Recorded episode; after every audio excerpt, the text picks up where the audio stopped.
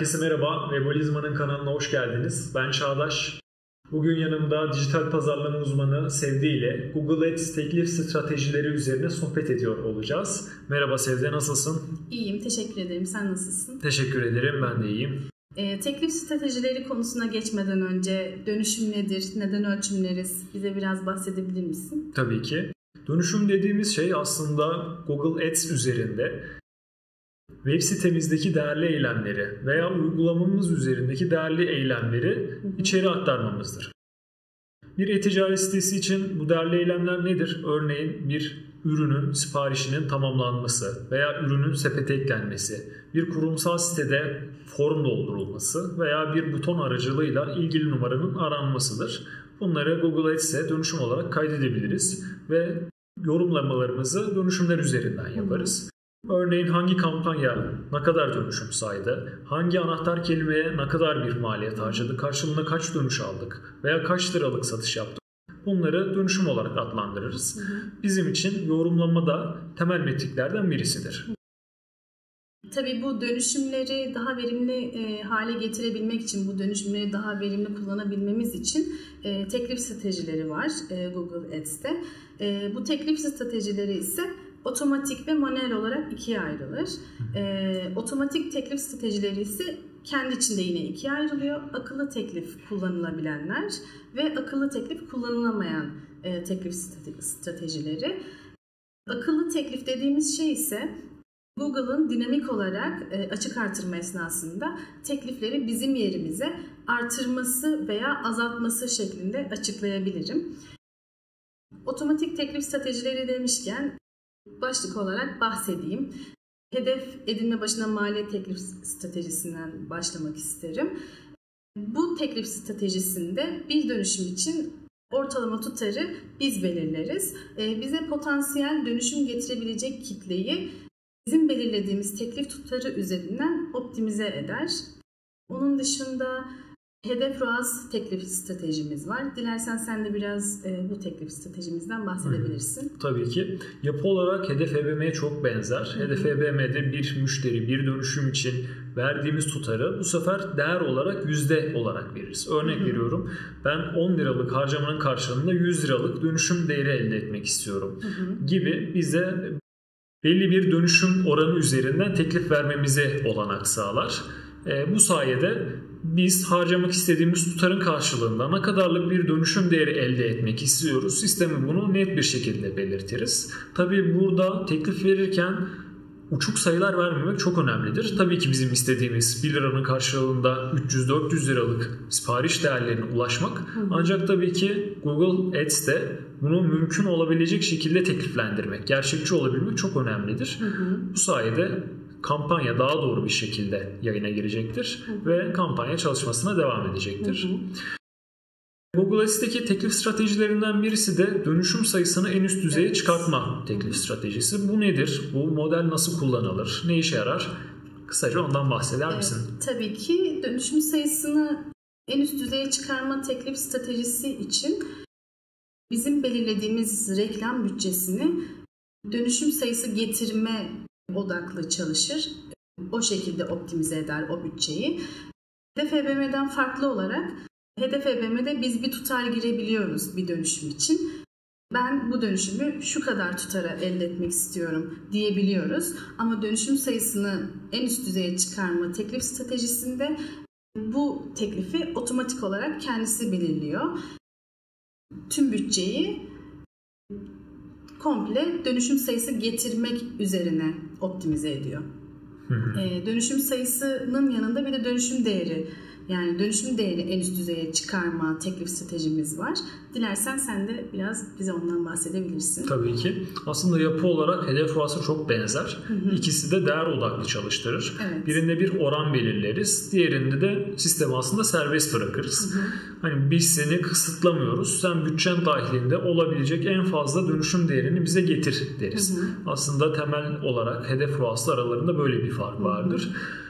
Eğer bizim belli bir hedefimiz yoksa bu aşamada örnek veriyorum 1'e 10 getir, 1'e 15 getir gibi bir tutar belirlemiyorsak o zaman e, dönüşüm değerini en üst düzeye çıkarma teklifini kullanabiliriz. Bize daha geniş bir, e, rahat bir model sağlar bu noktada. Bunun dışında tabii otomatik tekliflerin yanında otomatik olmayan teklifler de var. Buna manuel TBM adını veriyoruz. Ve bu teklif nedir, nasıl çalışır, hangi durumlarda kullanılır ondan kısaca bahsedelim istersen. Adından da anlaşılacağı üzere otomatik teklif stratejileri gibi bizim için otomatik olarak optimize etmesi yerine adından da anlaşılacağı üzere manuel e, tıklama başına maliyet teklif stratejimiz var. Yani e, manuel olarak teklifleri biz kendimiz e, belirliyoruz burada ve reklam sıralamamızı biz kendimiz e, analiz edip teklif stratejisinin teklifleri de manuel olarak kendimiz optimize ediyoruz. Yani sisteme bırakmadan. Az önce bahsettiğimiz teklif stratejilerinden farkı bu manuel TVM'nin, e, manuel tıklama başına maliyetin. Bu manuel tıklama başına maliyetin bir de geliştirilmiş e, versiyonu var. Geliştirilmiş tıklama başına maliyet olarak geçer. Dilersen sen de ondan bahset. Tabii ki. Temel olarak geliştirilmiş TBM'yi açtığımızda bize iki seçenek sunar aslında. Hı hı. Dönüşüm sayısı için optimize et, dönüşüm değeri için optimize et. Burada az önceki zamanlarda da konuştuğumuz gibi bizim için sayı mı önemli, değer mi önemli? Öncelikle onun bir e, kararını vermemiz gerekiyor. Eğer bu noktada bizim için değer önemliyse yani bir e-ticaretsek veya dönüşümlerimizi değer üzerinden kurduysak hı hı. manuel olarak teklif vermenin yanında akıllı algoritmaya da teklifi bırakabiliriz. Örnek veriyorum bir kelime için ben 1 lira teklif verdiğimde ve geliştirilmiş TBM kullanıp bunu değer odaklı çalıştırdığımda hı hı. sisteme diyorum ki aslında ben bu kelime için veya bu reklam grubu için şu kadar bir tutar teklif ettim ama sen eğer eğer kullanıcı dönüşüme yakınsa buna da agresif teklif verebilirsin veya dönüşüm gerçekleştirmeye uzaksa daha da düşürebilirsin. Aslında %20 bir band genişliği sunuyoruz kendisine. Yani 1 liraysa 1 lira 20 kuruş da arttırabilir sistem orada otomatik. 80 kuruşa da indirebilir. Bu şekilde yarı otomatik bir teklif stratejisi olduğunu söyleyebilirim. Bunların dışında bir modelimiz daha var. E, tıklama başına maliyet. Maksimum tıklama başına maliyet. Hı hı. Bu nedir? Nasıl kullanılır? Kısaca istersen ondan bahsedelim. Tabii ki bir bütçe belirliyoruz yine reklam için. Ve o bütçeyi dönüşüm değil de tıklama için. Yani ne kadar fazla tıklama getirecekse o kadar tıklama getiriyor bizim bütçemizi. Tıklama üzerine optimize ediyor bu teklif stratejisi de